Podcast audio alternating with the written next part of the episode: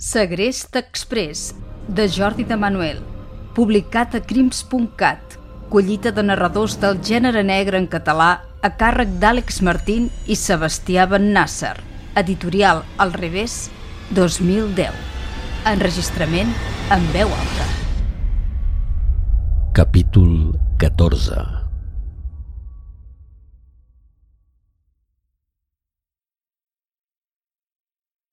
Vaig entendre immediatament que la dona no tan sols havia denunciat la desaparició del seu marit, sinó també la del cotxe. Ja t'he dit que la sabia llarga, aquella meuca. Vaig aplicar el meu lema, contundència, fermesa i convicció. Però aquell home era una paret contra la que els meus arguments rebotaven. No va haver de portar-me a comissaria per arrencar-me una confessió.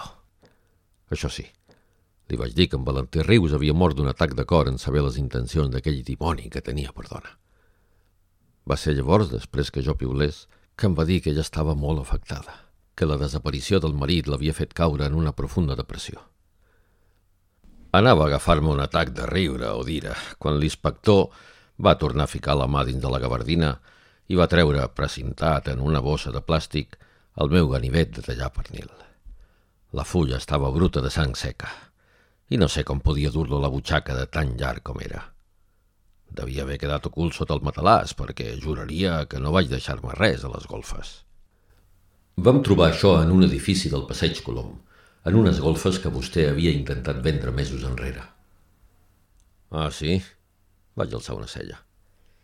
També hi ha empremtes seves al mànec, però la sang seca és del senyor Rius. Va esperar la meva reacció, però jo només vaig encongir les espatlles. Per cert, els de la científica m'asseguren que en aquesta sang hi ha restes de barbitúrics. Diuen que amb una concentració capaç de deixar un cavall fora de combat. Va deixar anar com si res el policia mentre s'afuava el bigoti.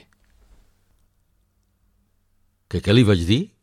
Vaig estar a punt de dir-li que els somnífers també haurien matat un porc. Mentre anàvem cap a comissaria dins del cotxe, l'inspector va acomodar-se al costat meu. Fumava una cigarreta rere l'altra i ni tan sols me'n va oferir, tant de bé com m'hauria fet. Feia com si jo no existís, com si fos transparent als seus ulls. No duíem ni la sirena engegada. Recordo que va rebre una trucada. No, mare, no puc venir a dinar, que he de tancar un cas.